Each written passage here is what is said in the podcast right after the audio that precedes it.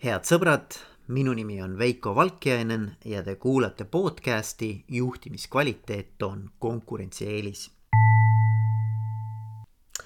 käesolev episood on valminud koostöös üritusturundusagentuuriga Hüpe. ja minu seekordseteks vestluskaaslasteks on Hüpe eestvedajad Marko Lõhmus ja Neeme Kari mõlemad mehed on tegutsenud üritusturundusvaldkonnas märkimisväärse aja oma elust kahe peale kokku ligemale nelikümmend aastat. mind ajendas Neeme ja Markoga ühendust võtma siiras huvi selle vastu, kuidas tänases uues reaalsuses meeskondlikke ühisüritusi läbi viiakse.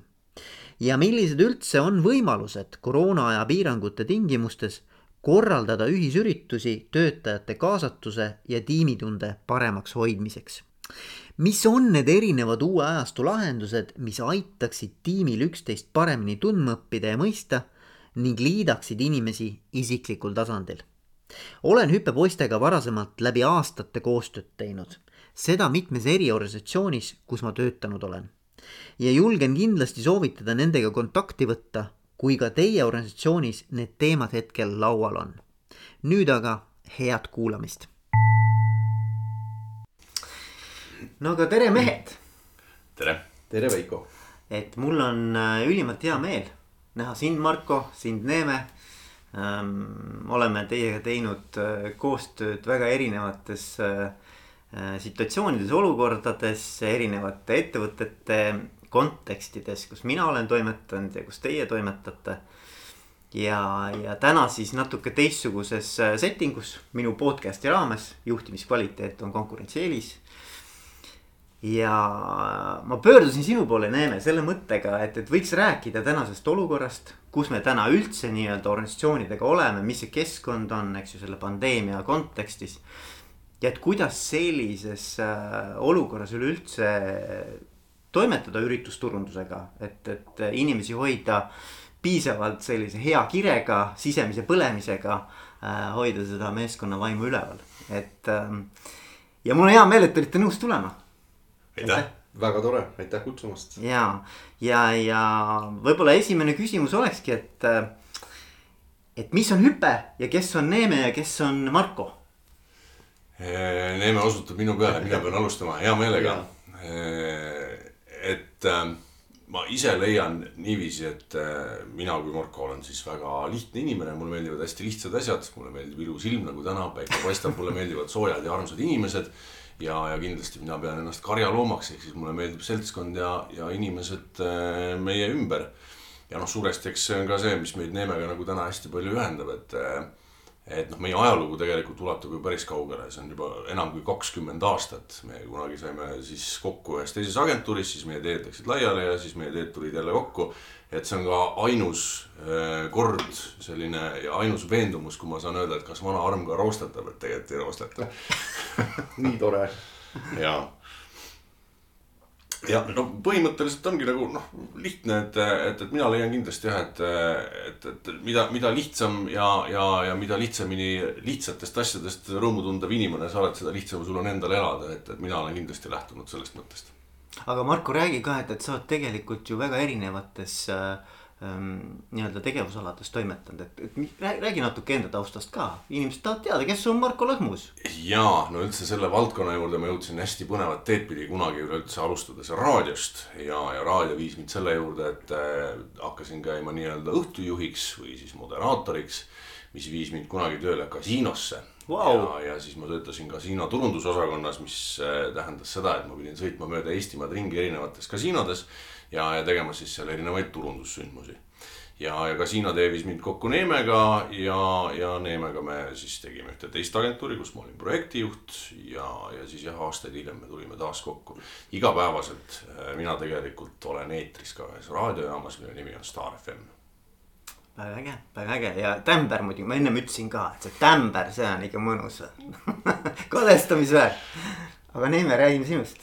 ja eh, ma teadsin, et see küsimus tuleb ja, ja tihtipeale on see häda, et jääd nagu heietama endast, eks ole. aga kui ma selle peale mõtlesin natuke ja nagu Marko ütles ka, et ilus ilm, niuksed helged mõtted, et siis.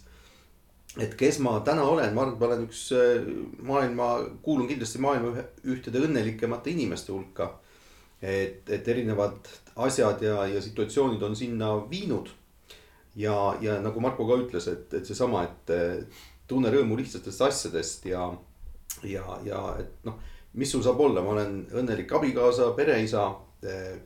minu töö on maailma kõige ägedam töö, ma leian, see, mida me Markoga koos teeme, mis viib meid kokku tohutult kihvtide inimestega. see on see on midagi, mida ei ole võimalik nagu kuskilt mujalt äh, minu arust saada, et see on nagu see üks väga suur inspiratsiooniallikas.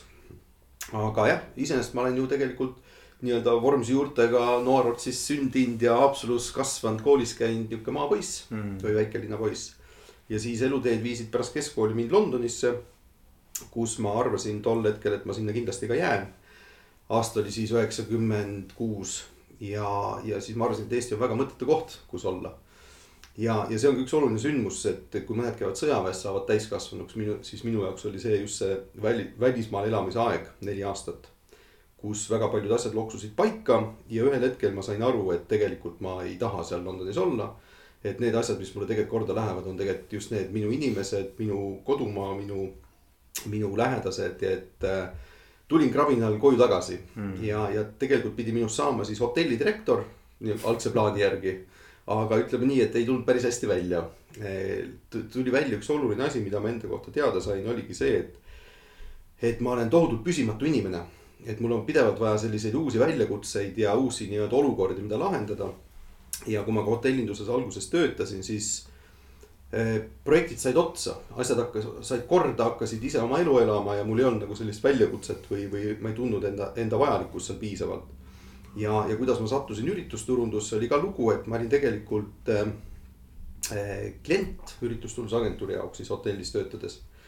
ja korraldasime ühte ägedat üritust ja siis, kui me käisime pidevalt neid nii-öelda projekti koosolekuid pidamas, siis, siis ma täiesti äh, armusin sellesse valdkonda, et kui äge see kõik on, kui palju selliseid asju mõelda, kui palju saab nagu luua, teha ja iga projekt on erinev ja iga situatsioon on erinev. ja kui hotellinduses sai nii-öelda aeg läbi siis ma helistasin sinnasamma agentuuri, kus olid, äh, asutajad olid täpselt sama vanad kui mina. ja aasta oli siis, ma arvan, et kaks tuhat kolm, kaks tuhat neli ja pakkusin ennast tööle ja saingi.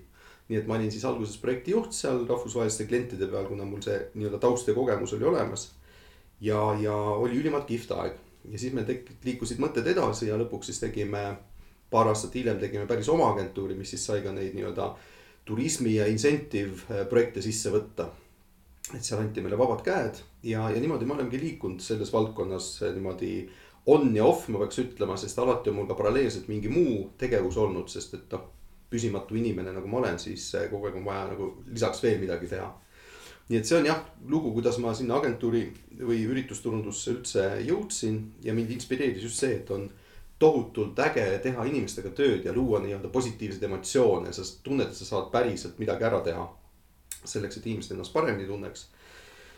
ja, ja, ja siis nagu Marko ütles, viisid teed meid uuesti kokku, tegime päris oma agentuuri, eh, tegime täpselt sellise, nagu me ise tahtsime mm, -hmm. kuna noh, kui rääkida taustast, et siis on ju erinevaid etappe elus olnud ja ka üks masu läbi tehtud selle üritusturunduse ajal. ja, ja need õppetunnid olid karmid, aga, aga tõenäoliselt praegu võib öelda, et hästi vajalikud. nii et jah, aga mis, mis must siis on saanud, ongi see, et üks, üks õnnelik inimene, kes saab teha Eh, seda tööd, mis talle jubedalt meeldib. ja teiselt poolt ma olen siis ka eh, produktiivsuse treeneriks eh, õppinud siin viimase aasta jooksul, nii et Covid andis mulle ka selle tõuke, et ennast arendada. nii et, et me aitame siis ka ettevõtetel nii-öelda stressi manageerida ja, ja, ja olla produktiivsemad, aga samal, samal ajal ka õnnelikumad, nii et selline getting things done David Alleni poolt tehtud metoodika on siis see, mida me Eestis äh, edasi õpetame mm.. ma võib-olla lisan Neemele lihtsalt nii palju, et äh, kuna algselt selles praeguses agentuuris, mis meid seob, olidki ainult Neeme ja Marko, eks. Ja, ja siis eks, eks seal vastandid tõmbuvad nii palju kui Neeme iseloomustust, mis puudutab, ma ei saa jätta ütlemata, et, äh, et inimesed, kes meid teavad või kes Neemet, Neemet teavad, eks ju siis kaks hästi olulist sellist märksõna, mis noh, liiga sageli tänapäeval võib-olla ei kohta, et üks nendest on taktitunne et juhul, kui on tarvis sellist taktitunde etaloni või inimest, siis Neeme ja teine kindlasti on see empaatia. et noh, sellega seoses on meil äh, päris naljakaid lugusid ka lihtsalt kõrvalt vaadates. ma pean selle ära rääkima, no see lugu oli lihtsalt oli see, et, et kui Neeme rääkis soomlasega, kes rääkis eesti keelt, siis Neeme aktsent muutus nii-öelda siis soome aktsendiks. et puhtalt nagu, puhtalt nagu empaatiast tegelikult see ilma naljata, mul on endal olnud see kogemus, et mul on, oli üks kolleeg Elionis, tänad Elias. kelle, noh, ma täiesti nagu avastasin iseennast kõrvalt vaadates, et ma räägin sarnase rütmi ja sarnase aktsendiga nagu tema, noh. et, et, et see oli nagu nii üllatav, et, et inimesed mõjuvad sulle tohutult mm., äh, kellega sa hästi palju aega koos veedad, on ju. no sul võib-olla ei olnud tema, selle soomlasega isegi nii pikalt koos vaja olla, et võtta tema maneer üle. aga jah, see on, see on väga huvitav.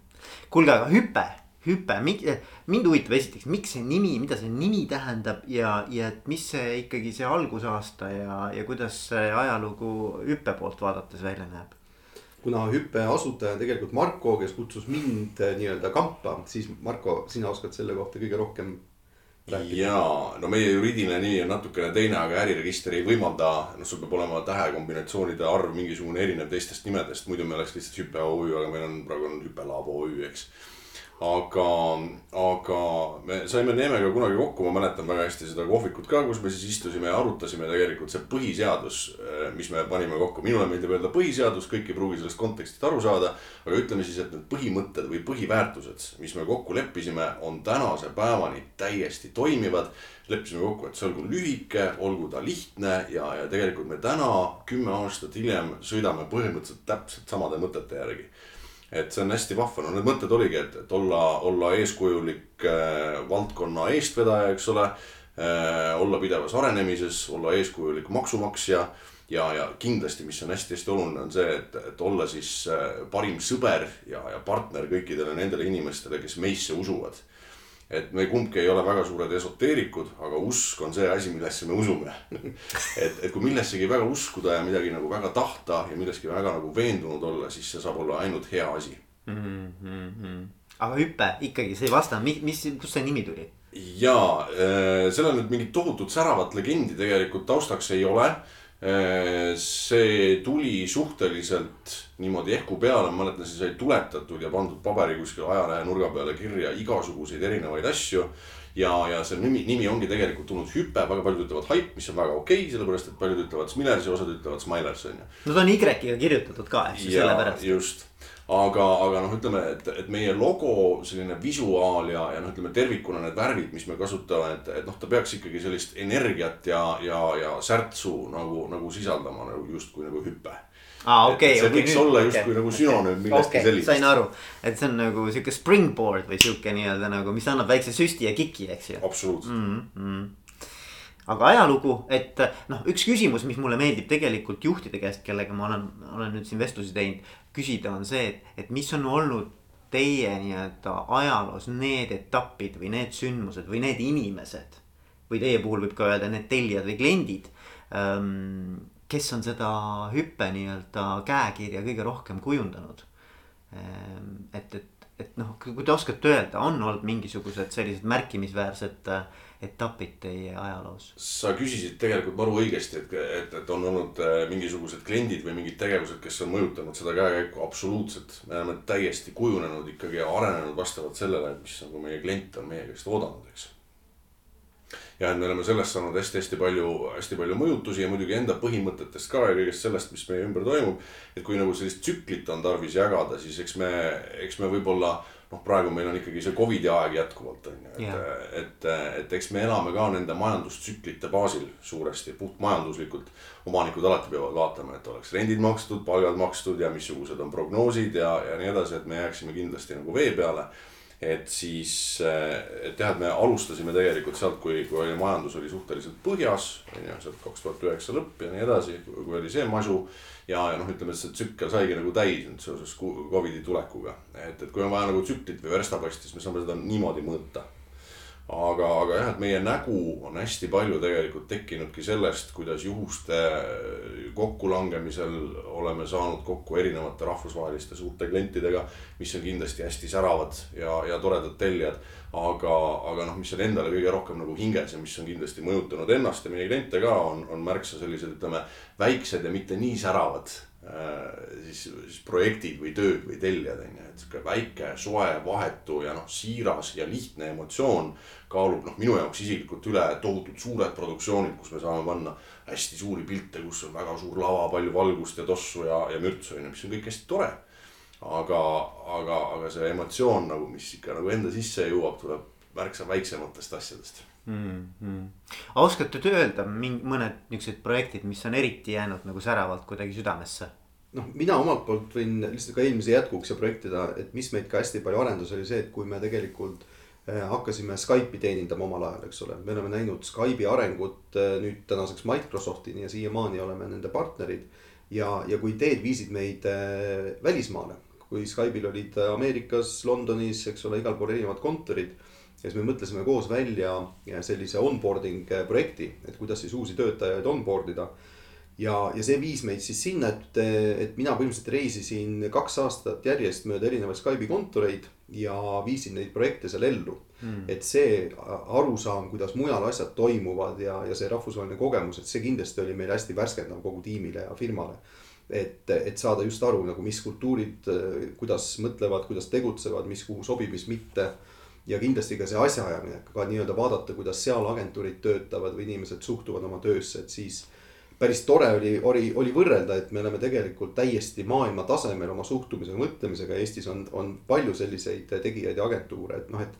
et see andis nagu minu arust hästi suure enesekindluse, mis on toonud meile ka väga häid kliendisuhteid nagu nüüd edaspidi, eks ole, sellest ajast et jah, et selline rahvusvaheline hüpe, mis me tegime, et see oli tegelikult ka üks nihuke oluline verstapost, kui sa noh niimoodi küsisid. ja, ja, ja no mina ise olen ju teinud äh, teiega koostööd äh, vähemalt paari ettevõtte raames, ma mäletan mm, -hmm. et noh, Olümpikus, eks ole, ma töötasin, siis me tegime.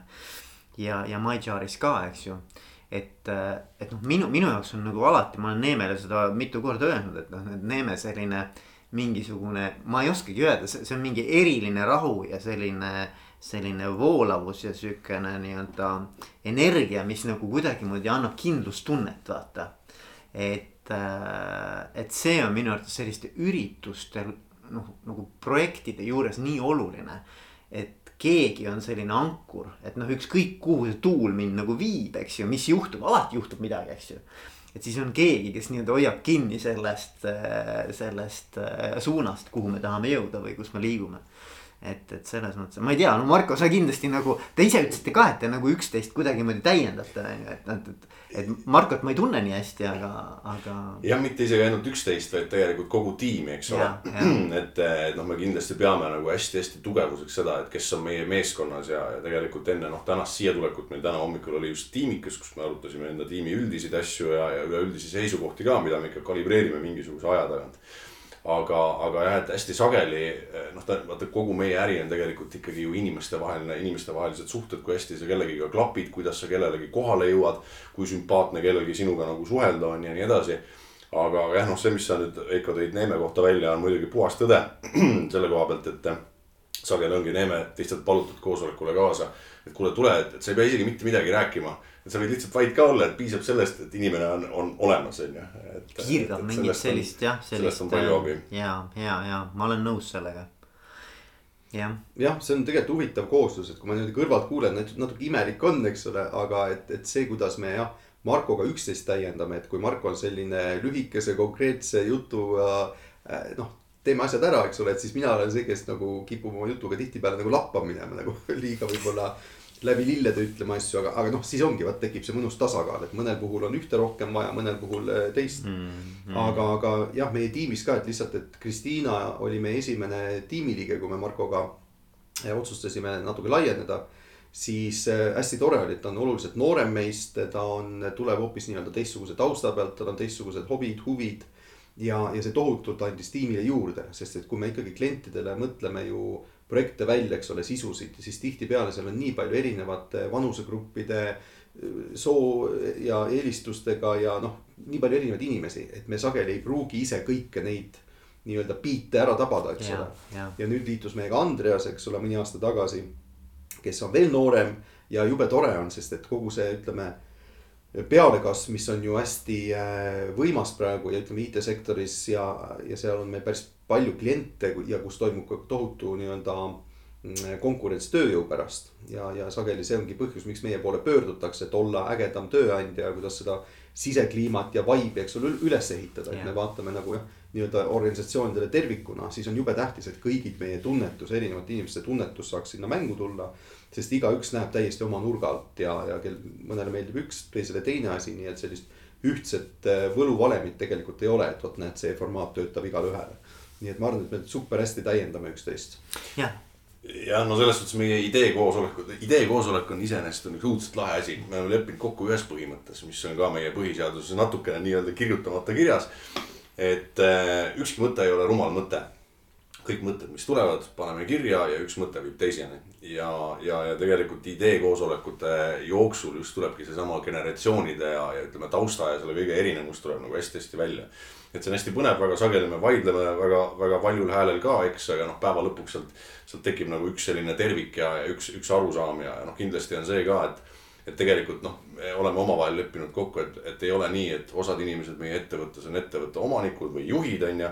Et me oleme leppinud kokku, et me oleme kõik nii-öelda projektijuhid ja, ja kui vaja, siis me kõik teeme no,. partnerid, eks ole. absoluutselt mm,, absoluutselt mm. ja et, et me, me püüame ikkagi sõita hästi selliselt võrdselt, võrdselt tasandilt. noh, aga selle, selle võib-olla selle võimaluse annab meile see ka, et me oleme ikkagi nagu väiksem ettevõte, eks ole mm..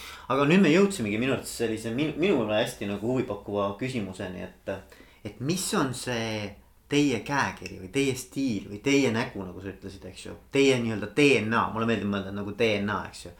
et ähm,, et kui ütled hüpe, et siis mis on see, mis võiks nagu kohe nii-öelda assotsieeruda? Marko siin tegi juba selles mõttes enne otsa natuke lahti, eks rääkides meie nendest põhiväärtustest ja asjadest. et need on tegelikult asjad, mis on küll sisemised väärtused, aga need ju kiirgavad välja ehk et äh, meie fookus on hästi palju inimestel. Et meil ei ole vahet, kas ta on klient või on ta, on ta mõni koostööpartner, kelle jaoks nagu meie oleme justkui kliendid. et me suhtume kõigisse inimestesse võrdselt, äh, suure maksimaalse respektiga. ja, ja anname täiesti aru, et ilma kõigi meieta koos neid asju ei saaks juhtuda, mida me teeme. et me oleme selles mõttes võrdses positsioonis. et see on kindlasti üks asi, mida, mida meile on öeldud, mida meie puhul nagu hästi hinnatakse et me ei ole nagu arrogantsed oma allhankijate suhtes või, või siis kuidagi sellised eh, jah, ei näita oma jõu, jõupositsiooni. ja teine asi, et fookus kliendi edule, kliendi kogemusele, et see on asi, mis on meil nagu absoluutne noh, üks, üksainukene reegel.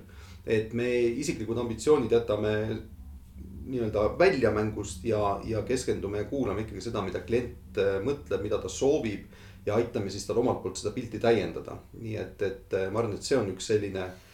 Ma tegelikult panengi võib-olla need nii-öelda kliendi tagasisided, et miks meie poole pöördutakse, miks meil on need pika, pikaajalised kliendisuhted, ongi see, et.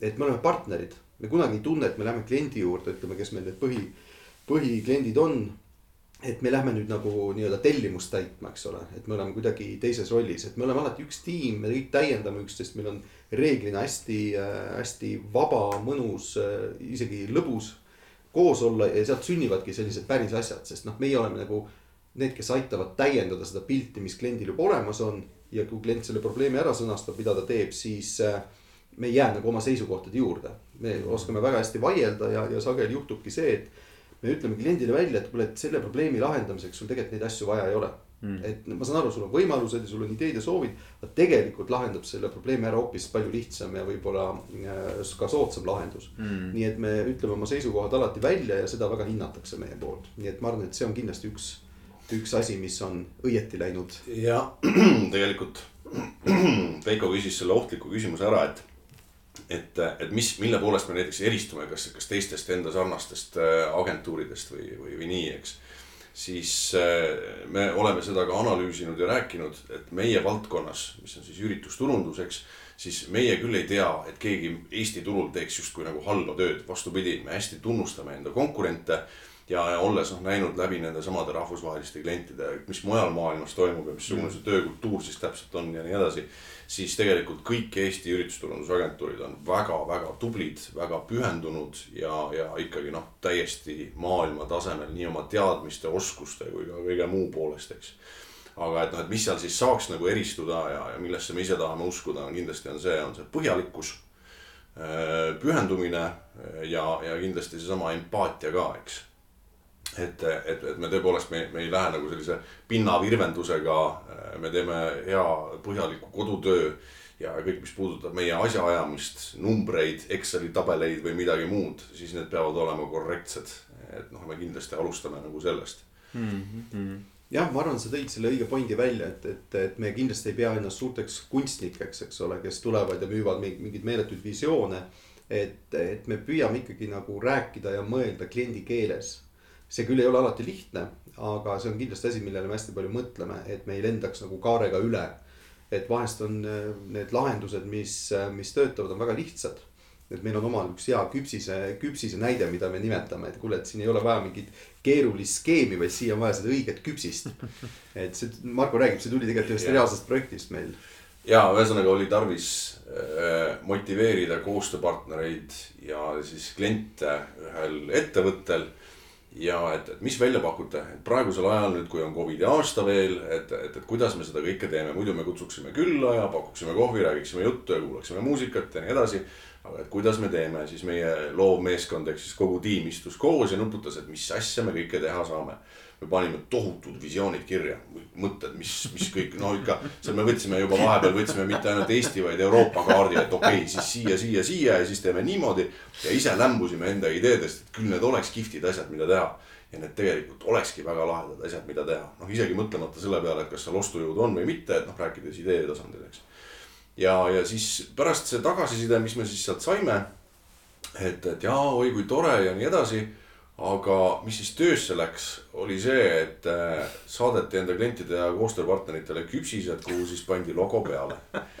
ja siis hästi armsa sõnumiga niukene lisa, lisa väike. just, et sõnum pandi ka, et, et head mm. kohvi juurde mm. nautimist on ju. ja siis me istusime ja vaatasime vaikides üksteisele otsa. et mis me nüüd teeme, et noh, me saimegi nagu aru sellest, et tegelikult me lendasime hästi suure kaarega üle ja, ja see on hästi oluline, oluline asi, mis me ise peame kindlasti noh, enda mõtete ja tegemiste kalibreerimiseks ka kuidagi nagu aru saama.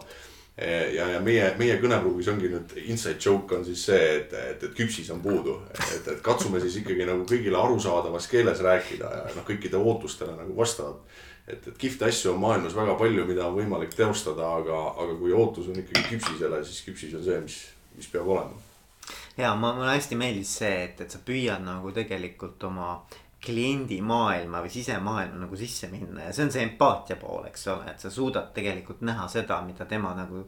noh, mis maailmas tema elab ja mis väärtused ja mis, mis probleemid tegelikult on, millega ta nagu maadleb, eks ju. et, äh, et see on, ma arvan, hästi-hästi oluline ja teine pool, mis mul nagu, mida ma ära tundsin, on see, et. et näiteks see maailm, kus mina olen, eks ju, koolitus ja coaching, eks ju et, et hästi palju seal toimub ikkagi persoonipõhist tööd, et noh, et, et. et ei ole niimoodi, et ma ostan koolitusfirmat, vaid ma ostan ikkagi koolitajat, eks ole. ma ei, ei osta coaching'u teenust, ma otsin coach'i ostan, eks ju. et noh, ma ei kujuta ette palju üritusturunduses, aga ma arvan ka suhteliselt palju ikkagi tegelikult loeb see, et äh, millised on need inimsuhted ja kellega täpselt äh, see nii-öelda see, see suhe tekib, eks ju, et, et siis selle pealt tegelikult äh, tuleb päris palju ka äh, seda üksteise mõistmist. jah, jälle Veiko ütles tegelikult hästi olulised pointid nagu välja, et, et meil oli tänasel ideekoosolekul oli samamoodi üks uus briif, mis meil sees on, idee arutamine ja, ja siis leiutasime, tavaliselt see, kuidas me ehitame ideid üles, on tegelikult hästi lihtne selle jaoks oleks tarvis kõigepealt pabertahvlit on ju, et ma saaks hakata visualiseerima, aga püüan siis teistmoodi. ehk siis see on justkui nagu maja ehitamine. kõigepealt on tarvis vundamenti. vundament on see, et, et miks me seda teeme, kellele me seda teeme, miks meil seda vaja on, on ju. siis meil on vaja luua sinna karkass, millal, mismoodi, kuidas ja nii edasi ja see, missugused on nagu peeglid või mis värvi on su aknaraamid, see on ainult lõppviimistlus, see on kõige väiksem osa sellest asjast. aga ometi see osa, et mis värvi on peegliraam võib väga paljusid kõnetada kõige rohkem. et, et, et noh, väga sageli on jah, et mis, mis värvi ikkagi me selle lipsu siis sinna tordi peale teeme, on ju, et, et see tundub olevat nagu oluline detail. kõige rohkem energiat ära, eks. just, aga, aga noh, jõudmata sinna, et mis see vundament on, aga et noh, miks see vundament on nii oluline, ongi seesama kontekst ja kui sa konteksti paned juba paika, et mille jaoks sul midagi siis tarvis teha on, miks sa inimesed kokku kutsud. siis justkui asjad nagu laabuvadki õiget moodi, et kui me võtame kõige kihvtimad asjad maailmast kokku ja pistame nad kõik ühte majja sisse ja viime sinna inimesed ka, et noh, nüüd peaks ju vägev olema. siis täitsa uskumatu ei olegi vägev mm.. et ikka see kontekst sageli väga lihtsad asjad, mis eelarvele on väga sõbralikud ja nii edasi töötavad nagu märksa-märksa paremini kui see, et sa tood kohale tohutu lava või tohutu LED-ekraani, eks, noh, ürituste mõttes mm.. Ma jah, võib-olla täiendaks, mul lihtsalt mõte läks käima ka selle peale, et seesama inimlik kontakt ja inimeste omavaheline klapp, eks ole. ma arvan, et Marko on ka nõus, et see on, ma arvan, et üheksakümmend üheksa protsenti meie valdkonnas on see samamoodi töö inimestega, nagu sa ka coaching'u puhul tõid. et meil on, miks meil on need inimesed, kellega me koostööd teeme, just need, kes nad on, meil klapib mm.. meil klapib omavahel, meil on vastastikune austus, respekt olemas ja kui inimesed ka liiguvad ühest ettevõttest teise, siis me väga sageli liigume nendega kaasa. Mm.. sest meil klapib, sest logod ei tee omavahel koostööd, eks ole, teevad ikka inimesed. ja, ja on ka on selliseid kohti, kus me tunneme ära, et seda klappi ei ole. Ja oleme ka mõnest kliendi suhtest omal initsiatiivil loobunud, kus me ütlemegi, et noh, et te käsitlete meid kui nii-öelda kas selliseid eh, sekretäre, kellele antakse lihtsalt niuksed ebamugavad ülesanded, tehke ära ja võtke hinnas maha ja aitab küll.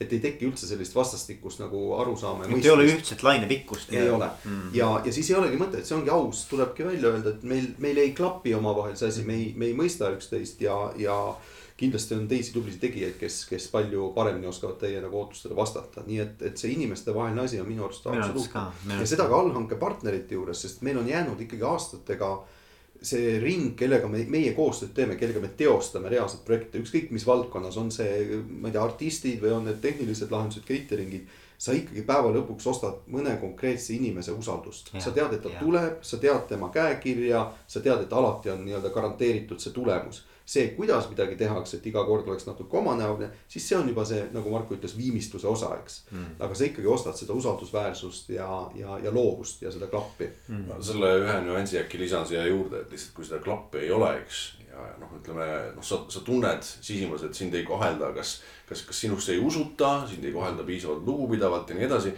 see on nii tohutult demotiveeriv et, et see võtab niimoodi motivatsiooni maha, et me ei taha, et kellelgi meie tiimist nagu midagi sellist kunagi eales juhtuks et sellepärast ongi jah, üks põhimõtetest, et iga raha ei ole ilmtingimata, et sa ei pea igat raha ilmtingimata koju tooma et noh, päeva lõpuks tahaks ise ka ennast normaalsena tunda, eks, aga. ja sa tahad jah, sa päeva lõpus tahad tunda, et sa oled midagi ägedat kellegagi koos teinud, kes noh, nii-öelda oskab seda hinnata, eks ole, ja, ja et meil tulebki sellepärast koos ka midagi ägedat välja. et mulle hästi meeldib siin nagu haagib minul jälle teise poolega, et, et kui me juhtimises räägime usaldusest ja usalduse laiendamisest. siis on ka, et vaata on juhid, kes ütlevad, et sa pead nagu minu usalduse välja teenima. et kõigepealt noh, ma, ma nagu vaatan, et noh, mis, mis värk on, eks ole. ja siis võib-olla, kui sa nüüd väga hästi seda asja teed, et siis ma hakkan sind usaldama. ja teine, teine pool, teine võimalus on see, et, et ma annan sulle usalduse ette, ma, ma nagu annan sulle usalduskrediidi ja siis inimene tegelikult teeb kõik endast oleneva, et see usaldus päriselt ka välja teenida või noh, nii-öelda nagu tõestada, et see usaldus oli õigustatud et noh, see motivatsioonitase on hoopis teine kui see, kui ma tean, et ma pean nagu õudselt nagu proovima ennast tõestada selle pealt, et teine ei usu minusse. meil on hästi värske näide on sellesama koha pealt, et äh, kui siin aasta ja pisut tagasi äh, Covid noh, ütleme Eestis ka pihta hakkas siis äh, noh, meie valdkond oli esimene, mis sisuliselt jäätus ära, kogu lugu, noh põhimõtteliselt kõik sai läbi, noh kõik kunstnikud ja, ja, ja, ja kes meie valdkonnas tegutsevad, bändimehed ja nii edasi. et äh, siis me mõtlesime ka, et mis me nüüd teeme. ja, ja variante oli laual igasuguseid, alguses istusime Neemega kahekesi ja siis pärast istusime kogu tiimiga ja noh, see oli selline demokraatlik otsus, et mis me siis teeme või milles me kokku lepime või et mis väljavaated meil üleüldse on ja, ja, ja noh, kired käisid küll ühte, küll teistpidi, et kes oli vahepeal rohkem optimist ja kes rohkem pessimist ja nii edasi. aga me leppisime kokku selles, et me hoiame mootori nii-öelda käimas ja ikkagi korralikel pööretel. et, et me ei lähe puhkama, me ei jää ootama, et mis saab, et vahet ei ole, et need olud, mis on, need on ja, ja vaatame, mis me siis selle käigus ära teha saame ja tegelikult Covidi aja alguses me töötasime välja hästi suure hulga igasuguseid kõikvõimalikke lahendusi see on see, piirangud käivitavad loovuse, on ju, nagu me armastame öelda. ja, ja siis me töötasime välja tõesti, noh, need oli ikka, ikka, ikka virnade viisi oli neid idee kontseptsioone. ja me hakkasime neid siis võimalikult kiiresti enda klientidele ja üleüldse turul siis nagu tutvust-, tutvustama ka, et mis, mis, mis lahendused on, mis variandid üleüldse on. ja tegelikult esimest korda korralikult me tundsime, et jää võib-olla hakkab su sulama, oli sügisel et noh, tegelikult ütleme, see kogu see Covidi algus raputas nagu see, see turbulents oli nii tohutu ja, ja kõik olid nagu nii hirmul ja võib-olla ootasid, et okei okay,, et see kole saab kohe mööda ja kohe on jälle ilus, et me ei peagi sellele keskenduma. et, et noh, alguses oli ikkagi kõik oli täiesti jäätunud. aga jah, et, et, et see, see usaldus hakkas võib-olla rakenduma alles siin sügisel ja, ja tegelikult väga paljuski ka selle aasta alguses, et nüüd, kui on aasta ja enam möödas ja meil on juba tegelikult reaalset praktikat nende asjadega, siis, siis me tänaselgi päeval võtame sahtlist välja neid ideid, mis me aasta ja enam äh, tagasi siis mõtlesime välja mm. -hmm. no nüüd me jõudsime jälle väga ilusti minu arust järgmise teemani, et äh, et üks asi, mida mina oma praktikas nii äh, coach'i kui koolitajana olen nagu tunnetanud, on see, et, et. ja te võite siis öelda, et kas te nagu, kas teie ka tunnetate sama, et on see, et, et juhid ütlevad, et et noh, no mingis mõttes kogu töö saab ilusti kenasti tehtud, eks ju, et kõik need tehnilised vahendid, need võimalused meil on olemas. inimestega suhelda, inimestega info vahetada, teha kõik oma kohtumised ära. kõik operatiivsed küsimused saavad kenasti lahendatud, aga mis nagu jääb kuhugi kripeldama, on see, et mul ei ole päris selget tunnetust, et kuidas mul ikkagi meeskond nii-öelda inimlikul tasandil toimetab, on ju. et kuidas see elu nii-öelda nagu emotsionaalsel tasandil ja inimsuhete tasandil äh, on ta hästi, on ta kehvasti. et see, see online või virtuaalmaailm ikkagi piisavalt tekitab sellist distantsi.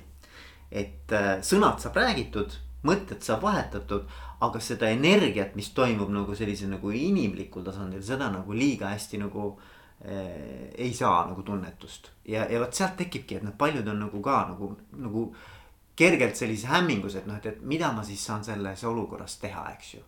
ja see nüüd minu arvates landib väga hästi teie maailma, siis nii-öelda sellise, kellega teie nagu varasemalt olete toimetanud nagu meeskondadega, meeskonna sellise tunnetuse ja vibe'i ja, ja selle kogu selle spirit'iga, eks ju. et ma ei tea, kas teil on, on, on sarnane nii-öelda nagu äh, temaatika laual? tegelikult küll, et äh see olukord on kõigi jaoks nii uus, et see noh, nagu Marko ütles ka, et see raputas kõik korralikult läbi ja nüüd me alles hakkame aru saama, eks ole, et mis, mis olukorras me oleme. et nagu me ise omavahel defineerisime, et, et kui me ühte intervjuud ka ette valmistasime, et mis siis on virtuaalürituste eelised ja puudused mm. -hmm. et sealt tuli väga selgelt välja täpselt need asjad, mis sa ütlesid, et sul on tegelikult osad meeled ära lõigatud, sul on kuulmine, nägemine on olemas, eks ole. aga kõik see tunnetuslik pool on mm. puudu mm. -hmm. ja see on see, millest on tekkinud tohutu defitsiit inimestel ehk et mida inimesed päriselt tunnevad, mis on see, millest nad on ilma jäänud, mida nad enne ei osanud tegelikult üldse hinnata. seesama, et kohvinurgas koos jutustada, see tundus nagu tavaline, see tundus nagu õhk, mida sa hingad, sa ei mõtle selle peale. aga nüüd on sellest jah, tohutu defitsiit tekkinud ja, ja see on ka meid käivitanud hästi palju, sest et mis meie valdkonna suur eelis on see, et me näeme ju tegelikult hästi paljude erinevate ettevõtete sisse. Väga noh, nii-öelda üsna intiimsesse nagu äh, piirkonda, kus ongi see tunnetuslik pool ja see üleüldine vibe, eks ole. Mm.. kus tulevad inimeste nagu käitumismaneerid, suhtumised, selline, selline jah, tunnetuslik pool tuleb kõik välja. E, e, seal ei ole ühte valemit või ühte sellist võluvitsa. Aga mida me kokku leppisime, oligi see, et me ei keskendu asjadele, mida teha ei saa, et näed, nüüd on nihuke olukord, me ei saa seda, seda, teist ja kolmandat. Vaid me fokusseerime täielikult oma energia sellele, et mida siis saab teha ja kuidas me selle olukorra lahendame nii et põhivestlused, mis meil ettevõtete juhtidega ja, ja personalijuhtidega täna on, ongi see, et. Nad vajavad tegelikult innustust, nad vajavad ideid ja vajavad just sellist optimistlikku lähenemist, et väga palju asju saab teha, väga ägedaid asju saab teha, mis aitavad inimestel seda negatiivset tunnet ära võtta, eks ole, ikkagi üksteisega koos nii-öelda jah, tunnetada, et nad on koos, nad on milleski, koos millegi osa. nagu ühtekuuluvustunne. ühtekuuluvustunne täpselt mm. -hmm ja, ja neid asju tuleb iga päev juurde, mitte ei jää vähemaks, et see ongi huvitav, et sa oled nagu mingi uue raja peale astunud, kus sa avastad kogu aeg uusi võimalusi. ja, ja me ei räägi üldse sellest, et kõik asjad toimuvad virtuaalis ja arvuti taga, eks ole. et sa ütlesid väga hästi välja, et noh, et need tehnikad ja asjad on kõik olemas, nad on alati olnud. lihtsalt nende roll on võib-olla natuke nagu olulisem, sest sul on mm. piiratud need võimalused aga, aga me oleme töötanud jah välja nii palju ägedaid asju, mis on klientidelt saanud jube head tagasisidet, ongi see, et kui sul ei ole võimalik kokku saada, noh, nii-öelda kontaktivabad lahendused, siis väljas sa saad ikka käia, eks ole. sa saad teha samal ajal samas lahedaid kogemusi, eks ole, kogeda, olles samal ajal omavahel võib-olla ühenduses läbi mõne virtuaalkanali. aga sa ikkagi tegutsed, teed kas üksi, kahekesti, väikses tiimis. et, et nii palju on neid võimalusi tegelikult juurde tulnud ja, ja mis on meil kõige suurem võib-olla selline ohumärk, mis, mis vahepeal oli hästi õhus just nimelt juhtide, juhtide seas oli see, et kui ma päris asja teha ei saa siis mingit vahepealset asja ma tegema ei hakka aa, okei. see oli hästi suur, hästi suur ohumärk ja siis mõtlesime ka, et vau, et juhid kindlasti ei tohiks nagu. nagu enda seda entusiasmi kuidagi maha lasta, et, et pigem mõeldagi nagu meie, et aga mida teha saab, kuidas seda teha saab, eks ole mm. -hmm. mitte nii, et kui vanamoodi ei saanud, siis, siis teistmoodi ei taha mm. nii et see on kindlasti üks hästi suur sõnum ka, ka juhtidele, kes, kes seda podcast'i kuulavad, et hästi palju on enda suhtumises kinni mm. kuidas su oma mindset on mm, sest et me näeme, kui väikesed asjad tiimidele on üliolulised, mis varasemast, ütleme aasta-paar tagasi ei oleks olnud midagi märkimisväärset, sest nii palju muid asju toimus aga sellised väikesed, kas virt-, noh, nii-öelda üldkoosolekute raames, olgu nad virtuaalsed, nende teemade käsitlemine, aga tähtis, et see oma motivatsioon alla ei lähe, et niuksed, nüüd on, kõik on raske ja, ja midagi teha ei saa, küll teeks, kui, kui saaks, on ju. et, et see on nagu see, me tunneme enda rolli siin nagu hästi suuresti, et me, me, meile toetuvad personalijuhid, turundusinimesed ja ka ettevõtte juhid, kes ütlevadki, et vau, et teil on nagu lahendusi et ma teen ühe kõne ja mul juba läheb nagu energia üles, ütlen, sõbrad, ma tean, mis ma oma tiimile räägin. ma tean, mis ma nendele soovitan teha mm.. nii et tegelikult see jutt, et nüüd on kõik läbi ja nüüd ei saa teha, et see tegelikult on meie jaoks nagu täiesti vale jutt, eks ole mm.. jah, no see Covidi aeg on tegelikult selles suhtes on nagu üks põnev eksperiment on ka on ju, et eh, just selle koha pealt, kui me peame nagu kaardistama, et, et missugune see olukord siis nagu täna on siis, siis noh, ta täna on umbes sama, mis ta oli siin mõned kuud tagasi, tegelikult see ekraaniväsimus on tohutu. Ja, ja, ja ollaksegi väga põhimõttelises nendes otsustes, öeldakse, et ei, et me ei taha poolikut asja teha, et me tahame kogu täiega ja kui see ükskord läbi saab, siis me ikkagi tuleme kokku ja teeme ja see kõik on hästi tore, aga jah, nagu Neeme ütles ka, et siis me pigem keskendume nagu nendele asjadele, mida teha saab, et äh, selle asemel, et mida teha ei saa. ja üks hästi selline noh, veider asi, mille peale muidu ei tuleks siis äh, aasta ja peale on sellist keerulist aega olnud ja selle aja jooksul on ettevõtetes vahetunud välja personali, kus rohkem, kus vähem.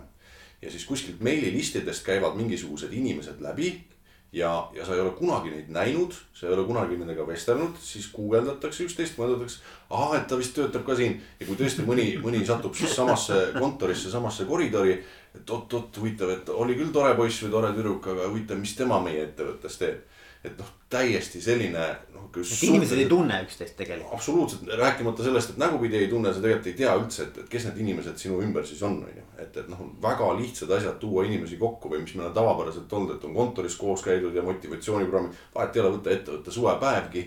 et, et tegelikult oma eesmärki on nad teeninud ju hästi, maru hästi. ja muidugi selle virtuaalsuse koha pealt ka, et, et kui öeldakse noh, väga, väga mõned, ma ütlen, ütlevad niiviisi, et jah, et virtuaalsus on nüüd tohutu heureka, mida enne pole kunagi olnud, et nüüd me oleme lahendanud kõik maailma probleemid. tulge meie virtuaalsesse stuudiosse ja siis kõik asjad on olemas ja kõik laabub täpselt nii nagu enne või isegi nagu paremini, et tohutu heureka. noh, esiteks me ei vaidle vastu, et see on vale, aga see ei ole lõpuni tõde ka. sest et, et noh, näiteks üks suur ja edukas IT-konverents, mida meie oleme korraldanud aastaid seisab just sellel vundamendil, et tuuakse inimesed kokku omavahel ja tekivad personaalsed vestlused, tekivad personaalsed tutvused. ja, ja mõnigi lektor on sinna tulnud lihtsalt sellepärast, et sellest vibe'ist osa saada, on tulnud tasuta. et, et noh, see on kogu selle kokkusaamise mõte ja, ja et, et sa ikkagi nagu noh, saad selle tunde kätte, eks. sama hästi võiks ju küsida, et kuule, aga et miks sa tahad sinna kuskile Hispaaniasse või Taisse reisida, et pane telekast endale ranna webcam käima. Et vaata siis, kuidas seal Tais on parasjagu laine loksub. noh, sa tahad ju ise minna ja, ja tunda seda. et ega see on väga hea, virtuaalsus on päästnud praegu väga palju ja, ja kõik see, et meil on erinevad platvormid, mida inimesed on harjunud kasutama, see kõik on hästi vahva. aga me räägime kahest täiesti totaalselt erinevast asjast, et üks ei asenda teist mm.. ja mulle, mulle hästi tundub ka, et noh, et mul oli siin ka üks, üks koolitus just, et inimesed nagu, nagu näljased selle järele, et nad saaksid üksteisega rääkida nagu lihtsalt elust, vaata. et nagu, et, et, et äh, mida öeldakse, on see, et, et koosolekuid on võib-olla isegi rohkem, nad on lühemad, nad on operatiivsemad aga kõik see, mis oli ennem nii-öelda, nii-öelda ma ei tea, lauanurga peal istudes ennem koosolekut, pärast koosolekut kuskil sööginurgas või, või noh, mõned, kes suitsetavad on ju suitsunurgas räägitud jutud. Neid nagu ei ole, vaata inimesed tunnevad puudust sellistest inim, noh inimlikest äh, teemadest, eks ole. ja, ja siis, mis ma tegin, oligi see, et me panime ka inimesed äh, üks-ühele rääkima, sest nii kui sul on suurem grupp, inimesed ei räägi enam et siis me panime need Zoom'is saab panna vaata ruumidesse, eks ole, paneme ruumidesse üks-ühele rääkima. ja pärast inimesed, oi, tead, nii tore oli ja ma ei teadnudki tema kohta neid asju, eks ole. et tegelikult on võimalik, eks. Üks põnev fakt lihtsalt noh, siis üritustel, mis me oleme märganud aegade jooksul, et kuhu inimesed reeglina kogunevad. inimesed kogunevad sinna, kus on kõige kitsam ja sinna, kus on kõige hämaram. et nii lihtsalt on ja, ja kui sa vaatad ükskõik kui suurt või väikest üritust, siis, siis tavaliselt nii läheb, et noh, eks see räägib ka inimloomuse kohta nii mõndagi, eks mm. -hmm. aga rääkige mõnest case'ist, mida te olete teinud, mõni sihuke äge mingisugune äh, konkreetne projekt, äh, kus teil on selline hea kogemus? minul tuleb kohe üks asi meelde, see on aasta lõpust äh, siin detsembrikuus ühesõnaga Baltikumi ettevõte, kus on kolme riigi siis tiimid, kes iga aasta on aastakoosolekuks tulnud kokku kuskile kohta kus on siis kõik, tehakse tööd, lõpuks on sotsialiseerumise pool ja nii edasi, see on noh, kahepäevane konverents olnud ja siis oligi case. Äh, inimesed mitte ei saa isegi oma riigisiseselt kokku, vaid peavad füüsiliselt olema kõik igaüks oma kodus. Mis teha annab? ja, ja siin muidugi tuligi, et noh, et me arvuti taga me istume iga päev, me oleme tohutult väsinud sellest. ja, ja me ütlesime ka, et noh, et päris ilma selleta me hakkama ei saa, aga me saame siia juurde panna igasuguseid muid lahedaid asju ja mis see lahendus siis lõpuks oli, oligi see, et jah, meil olid äh, nii-öelda Zoom'i kõne, eks ole, kus siis näidati paar olulist presentatsiooni ära. aga me kasutasime ka siis äh, sellist tehnilist lahendust, kus äh, need ettekandjad, kes olid erinevas kolmes Balti riigis olid igaüks oma väikeses stuudios, stuudios oli siis green screen taga, mis tähendab, et digitaalselt on võimalik siis sinna ükskõik millist pilti kuvada. ja see, mida inimesed nägid, oli tegelikult see, et nad ist-, olid kõik ühe ühisel virtuaalsel laval üksteise kõrval olles siis samas kolmes eri riigis stuudiotes ja vestlesid omavahel, tegid oma presentatsioone, tegid oma arutelusid. see oli juba nii-öelda värskendav, eks ole mm, inimeste jaoks, et ei ole nihuke klassikaline eh, lahendus. teine pool, me tõime sisse VR prillid ehk et saatsime üle kuuekümne VR komplekti siis igale inimesele koju üle Baltikumi ja seal sees siis toimus nii töö tegemine, seal oli ka eraldi nagu VR kinoruum, kus siis olid presentatsioonid. ja, ja mis efekti ta andis, noh, kes VR-i on kasutanud, see teab et see ongi nii, et sul on prillid peas, sa küll istud koha peal, sul on puldid käes, sa oled loonud endast avatari, mida teised näevad, eks. ja sa saad reaalselt minna suhelda, sa lähed, tulen sulle lähemale, sa kuulad mind, lähen kaugemale, hääl jääb vaiksemaks, täpselt nagu päriselus. sul on võimalik minna koos mänge tegema, ma ei tea, viskad koos noole, nooli näiteks sinna kuskile märklauda. ja see oli nii tohutult populaarne ja andis inimestele sellise tõelise koosolemise tunde. noh, uue kogemuse, nii et, et see õnnestus väga hästi aga VR-iga on see, et seda väga pikalt järjest ei kannata teha, sest see on ajule ikkagi väga koormav ja ütleme niisugune kakskümmend minutit, pool tundi on suhteliselt maksimum. Ja siis me tõime veel sinna juurde sellise asja, et teise päeva hommikul ütlesime, et nii, nüüd panete kõik riidesse. Lähete, võtate nutitelefoni kaasa ja lähete õue. no okei okay,, igaüks siis noh, kontaktivaba, igaüks omas kohas. ja samal ajal siis eh, nutitelefoni hakkasid tulema erinevad ülesanded, mida inimesed pidid tegema küll oli seal siis äh, vaja mingisugune laulujupp ära arvata ja see nii-öelda ekraani salvestada ja sisse laulda.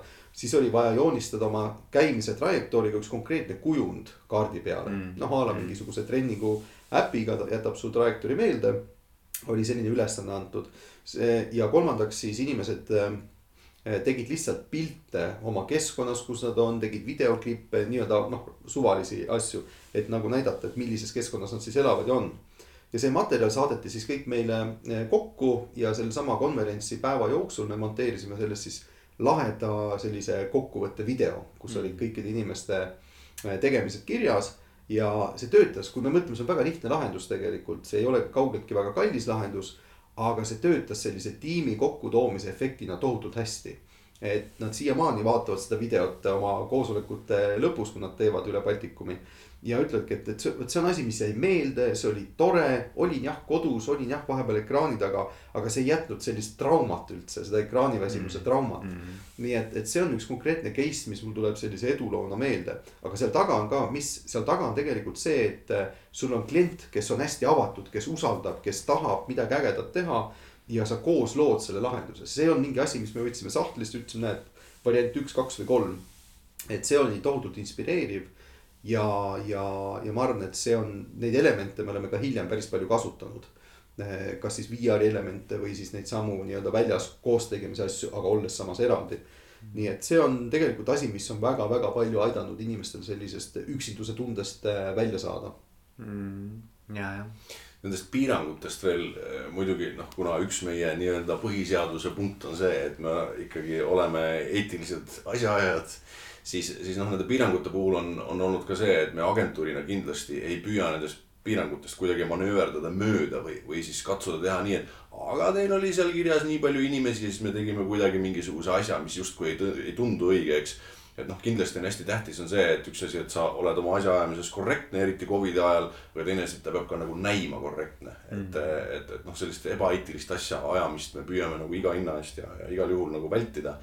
Aga et üks, üks osa piiranguid on need, mis kirjutab meile muidugi riik ette, teine osa piiranguid on need, mis tegelikult tulevad suurtel ettevõtetel nagu korporatsioonist juba sise, sise nii-öelda, sisemiselt kokku lepitud, eks ole. just Kiirem. ja, ja need ei pruugi olla kuidagi sünkroniseeritud siin meie mingisuguse Ida-Euroopa piirkonnaga, et kuulge, et huvitav, kuidas teil seal asjad käivad.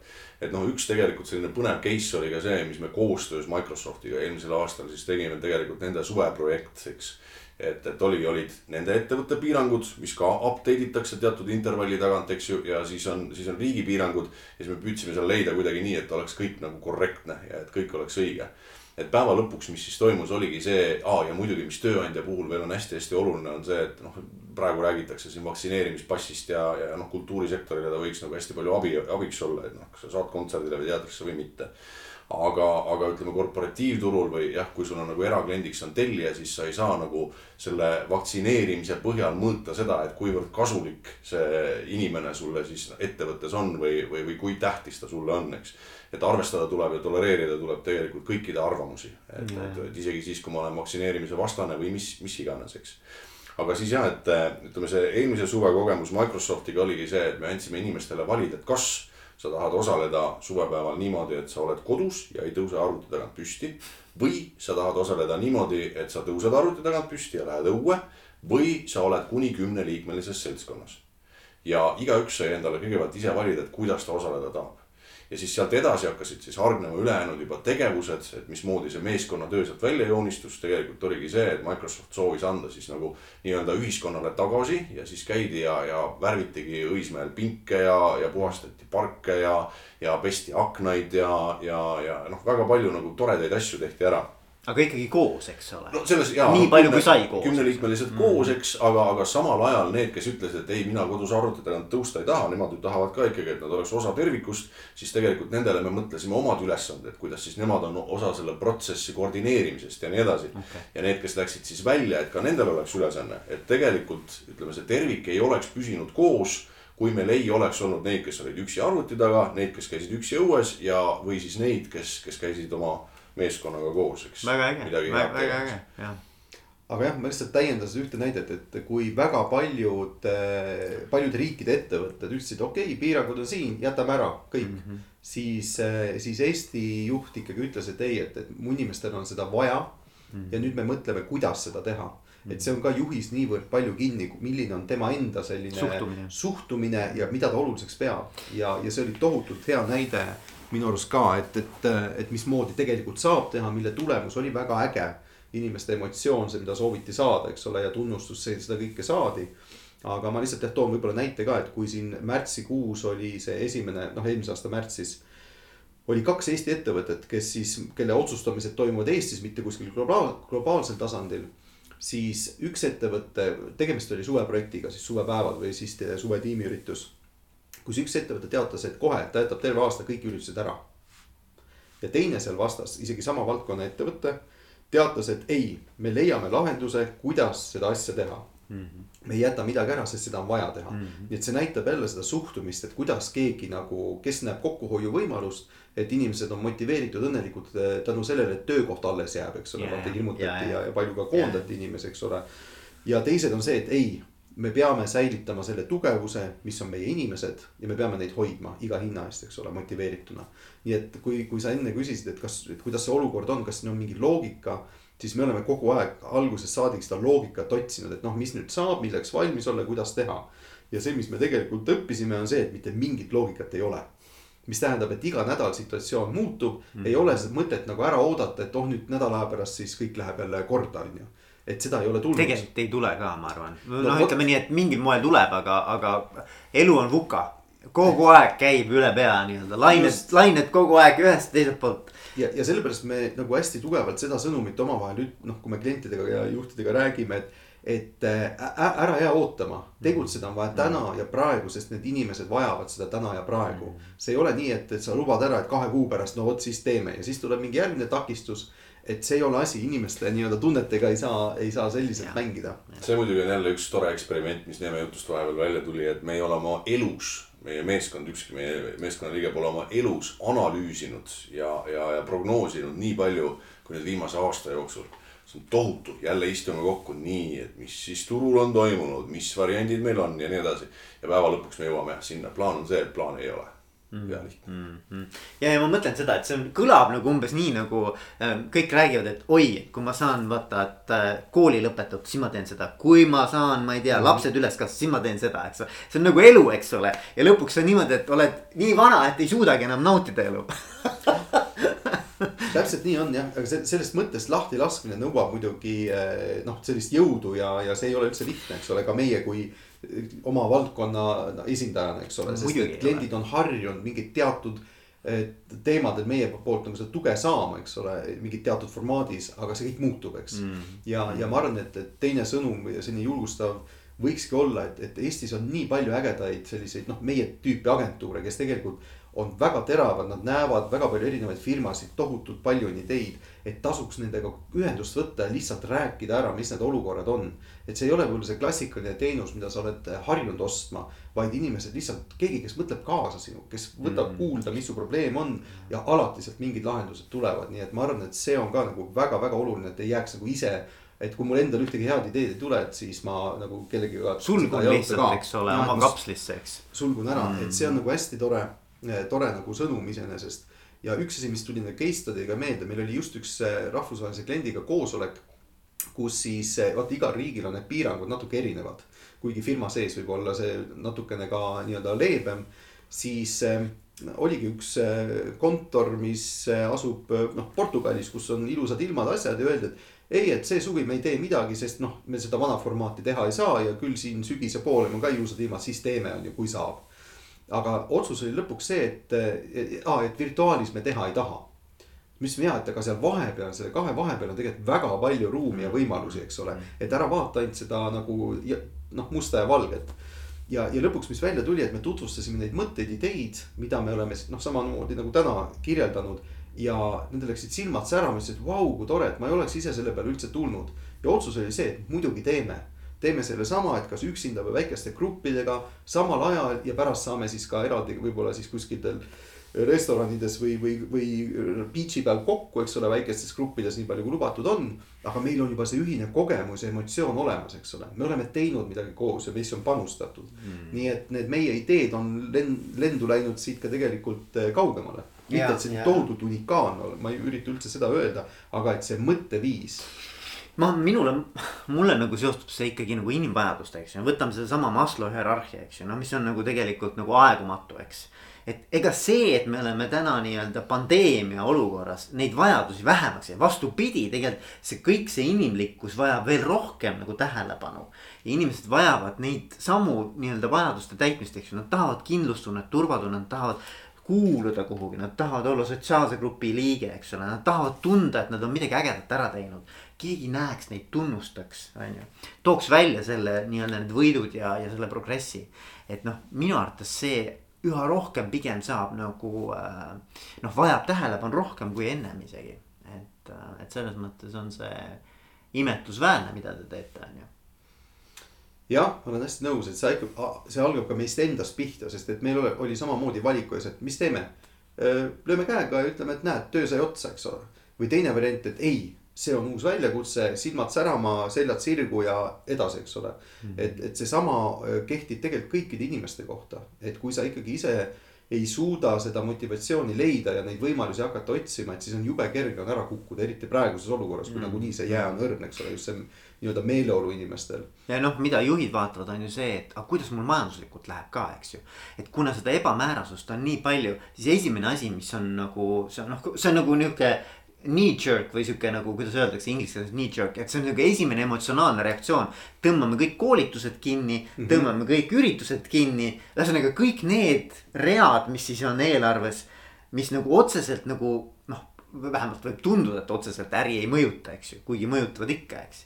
Aga, aga et noh, sellest ka üle olla, et kuule, et äh, ei ole midagi, meil ongi vaja panustada praegu inimestesse rohkem, eks on täpselt see filosoofia jah, just, et see on see filosoofia, mida meie soovime ka kindlasti jagada ja millesse meie hästi nagu usume, eks. Ja sellest me täna just rääkisime, et vahest need asjad liiguvadki täpselt vastupidises suunas, et see, mis sa just Veiko ütlesid, et esimesed asjad, mis lähevad eelarvest välja, on need nii-öelda pehmed asjad, eks ole, mis on suunatud. no tunduvad väga pehmed, eks ja, ole. et inimeste nii-öelda heaolule või sellisele, et no nice to have mingi tilulilu, eks ole aga teiselt poolt siis, kui sul läheb keeruliseks, kui inimestel on raske, siis tuleks seal just hoogu juurde anda mm. -hmm. mitte, et me räägime, et see on meie majandusvaldkonnale kasulik ja see on meie töö ja leib, eks ole. vaid me täna tegelikult reaalselt jagame ära tasuta ideid oma tuttavatele klientidele, noh, mida iganes avalikes ruumides. just nimelt sellepärast, et anda see sõnum, et sõbrad, nende asjadega tuleb tegeleda, inimesed on olulised, nende see tunnetuslik pool vajab turgutamist mm.. see, et ta on tööl endiselt ja saab palka, väga tore, see on noh, nii-öelda baas, eks aga see emotsionaalne pool, et nad ka oleksid võimelised tööd tegema ja loovad, et see vajab täna tegutsemist rohkem mm. kui kunagi varem. No see Maslow püramiid on muidugi selles suhtes on hea näide on ju asjadest ajas, mis ei muutu, et, et noh, küll aga kui me oleme nagu vaadanud enda ajalukku tagasi, mis on circa kakskümmend aastat, siis kui me täna võtame näiteks välja mingisuguse mõtte või idee, mille me genereerisime või kirjutasime valmis siin viieteistkümne aasta eest, on ju. siis tundub ikka suhteliselt kiviaeg, et, et, et tegelikult enne juba selle, enne Covidi saamist, saabumist oli see, see mõte inimestel juba märksa kaugemale lennanud ja. ja need ootused olid juba märksa sügavamad ja noh, seda enam seesama konteksti ja eesmärgi ja pointi jutt on ju, et, et noh, mis on selle kokkusaamise mõte, kui me, kui me juba leiame selle aja, et, et kokku tulla, eks et noh, seda tegelikult aina enam väärtustati ja, ja, ja noh, nüüd, kui see Covid on võtnud neid mõned, mõned tajud vähemaks ja on võtnud midagi ära, siis tõenäoliselt noh, me suudame ja oskame seda veel märksa rohkem hinnata mm,. ja, ja. kuulge, mehed, me võiks rääkida ilmselt lõpmatuseni, aga kas on midagi, mida ma ei ole küsinud teie käest, aga teil oli teada, et vot tuleb Veikoga jutuajamine ja me tahaksime seda kindlasti puudutada, võib-olla oleme puudutanud aga tahaks veel üle rääkida, rõhutada. on midagi, mis teil oleks jätta sõnumina siia meie kuulajatele? no vast võib-olla nii palju, et väga tunnustame, väga tõesti siiralt tunnustame neid tublisid, kes on hoolimata nendest turbulentsetest aegadest ikkagi nagu leidnud seda, seda jõudu ja seda usaldust, et enda, enda meeskondade ja tiimide peale mõelda. Ja, ja see tegelikult on hästi tähtis, see läheb inimestele hästi korda ja, ja, ja noh, muidugi, mis on, mis on ka hästi oluline, et Eestis on, on ikkagi agentuurid, kes teevad väga head tööd, väga kvaliteetset, väga läbimõeldud, tegelikult me oleme, me oleme oma lahendustega maailma tasemel Eesti kont-, kontekstis rääkides, eks et, et kindlasti tasub usaldada neid inimesi, kes, kes neid mõtteid ja ideid pakuvad ja, ja, ja kindlasti tasub küsida, alus, alustuseks tasub küsida, et. et mis võimalused üleüldse oleks ja, ja edasi tasub kindlasti usaldada, sest et ega noh, keegi ei soovi oma teenust ju pakkuda nii, teades, et ah, see asi tõenäoliselt fail ib, et, et ma katsun kuidagi mingi raha kuskilt koju tuua, vastupidi, et ikka oodatakse nagu pikka perspektiivi on ju, pikka koostööd jah, need mitu mõtet sai juba enne välja öeldud, eks ole, et seesama inspiratsioon ja, ja selline eh, enda positiivne suhtumine ka juhtide poolt oma nii klientidesse kui töötajatesse. aga võib-olla seesama mõte sinna lõppu, et, eh, et ega ei ole mõtet mõelda nii, et, et mingid asjad lahenevad, kas iseenesest või, või keegi lahendab et, et mida kiiremini ise pihta hakata, otsima uusi lahendusi, kaasates teisi inimesi, seda kiiremini asjad ka paremaks lähevad. et ega me ise kujundame seda, ei ole mõtet nagu kahetseda minevikku ja muretseda tuleviku pärast. vaid keskendu olevikule ja keskendu asjadele, mida sa ise päriselt muuta saad siin ja praegu. sest nii sa lood ka tulevikku ühtlasi mm.. nii et, et võib-olla see on üks mõte, mis, mis kuidagi annab päris palju inspiratsiooni ja ka jõudu keerulistes mm. oludes. kuulge, aga mina tänan teid et tulite minuga mõtteid põrgatama. ja mul on alati, alati olnud teiega äge, ka täna. ja ma soovin teile, nii nagu tavaliselt suved on üritusturundusagentuuridel käed-jalad tööd täis ja palju-palju häid loovaid mõtteid, nii et edu teile. aitäh, Margo